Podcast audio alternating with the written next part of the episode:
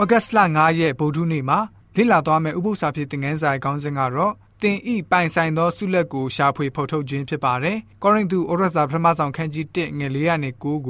ကောရိန္သုဩရစာဒုတိယဆောင်ခန်းကြီး1ငယ်20ရာနေ22နဲ့ရှင်တွဲပြီးတော့လေ့လာပါမယ်။ကျမ်းချက်တွေကဖျားရှင်ဂတိတော်နဲ့ဆိုင်တဲ့အရာတွေအကြောင်းကိုဘယ်လိုမျိုးတုံသင်ထားလဲဆိုတာကိုကြည့်ကြပါစို့။ အထက်ကခရစ်တော်ဤတက်သေးကိုသင်တို့တွင်တည်စေသည်ရှိသောသင်တို့သည်ထိုခရစ်တော်အားဖြင့်အရာရာ၌နှုတ်သက်သည့်ဉာဏ်သက်သည့်အပေါင်းနှင့်ကြွယ်ဝပြည့်စုံကြသည်ဖြစ်၍ယေရှုခရစ်အားဖြင့်သင်တို့အားပေးတော်မူသောဆုကျေးဇူးတော်ကိုငါထောက်၍သင်တို့အကြောင်းကြောင့်ငါဖျားသခင်၏ကျေးဇူးတော်ကိုအစဉ်မပြတ်ချီးမွမ်း၏ထို့ကြောင့်သင်တို့သည်ငါတို့သခင်ယေရှုခရစ်၏ပေါ်ထွန်းတော်မူခြင်းကိုမျှော်လင့်၍နေစဉ်ဆုတော်တစုံတစ်ခုမျှမလျော့ဘဲစုံလင်လျက်ရှိကြ၏ သင်တို့သည်ငါတို့သခင်ယေရှုခရစ်၏နေ့ရက်၌အပြစ်တင်စရာအခွင့်နှင့်ကင်းလွတ်မိအကြောင်းသင်တို့ကိုအဆုံးတိုင်အောင်ခိုင်ခန့်မြဲမြံစေတော်မူလိမ့်မည်ငါတို့သခင်ဒီဟုသောတားတော်မြတ်သခင်ယေရှုခရစ်နှင့်ဆက်ဆံခြင်းကျေးဇူးတော်ကိုသင်တို့အားပေးတော်မူသောဖျားသခင်သည်တစ္ဆာနှင့်ပြည့်စုံတော်မူ၏ထိုသခင်မှာဖျားသခင်၏ဂရုတော်ရှိသမျှတို့သည်ငါတို့အားဖြင့်ဘုန်းတည်တော်ကိုထင်ရှားစေခြင်းအလို့ငါ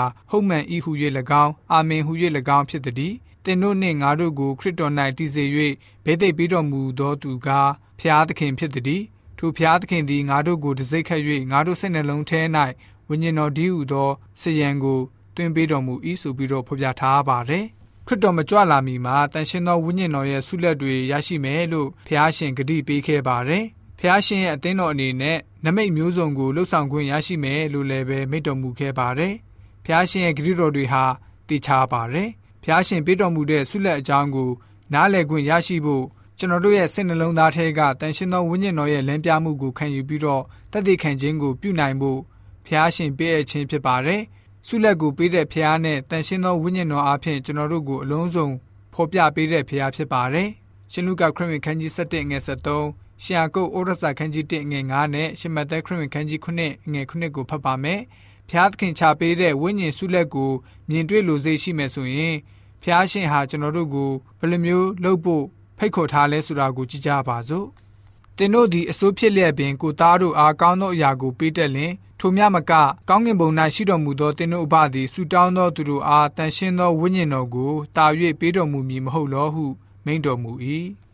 တင်တို့တွင်တစုံတယောက်သောသူသည်ပညာကိုလိုလင်ကဲ့ရဲ့ပြစ်တင်ခြင်းကိုပြုတော်မမူဘဲခတ်သိမ်းသောသူတို့အားစေတနာစိတ်နှင့်ပေးသနာတော်မူသောဖျားသခင်ကို တောင်းစေတောင်းလင်ရလိမ့်မည်တောင်းကြလော့တောင်းလင်ရမည်ရှာကြလော့ရှာလင်တွေ့မည်တကားကိုခောက်ကြလော့ခောက်လင်ဖွင့်ပြီးဆိုပြီးတော့ဖော်ပြထားပါတယ်ကျွန်တော်တို့ဟာစက္ကန့်အနံချင်းပြုပြီးတော့ဝိညာဉ်တော်ရဲ့ဆုလက်ကိုရရှိပါမယ်ပြီးတဲ့နောက်မှာဖျားရှင်ပေးအပ်တဲ့ဆုလက်ကိုဖော်ပြဖို့ဆုတောင်းကြရပါမယ်ကျွန်တော်တို့ရဲ့အတွင်းသဘောမှာ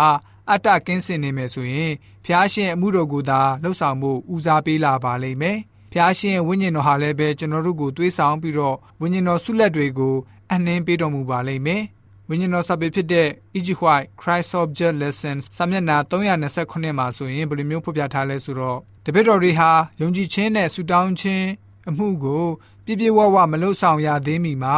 ဖျားရှင်ရဲ့အမှုတော်အတွက်လှုပ်ဆောင်ဖို့တန်ရှင်းသောဝိညာဉ်တော်ကိုမရရှိမီမှာ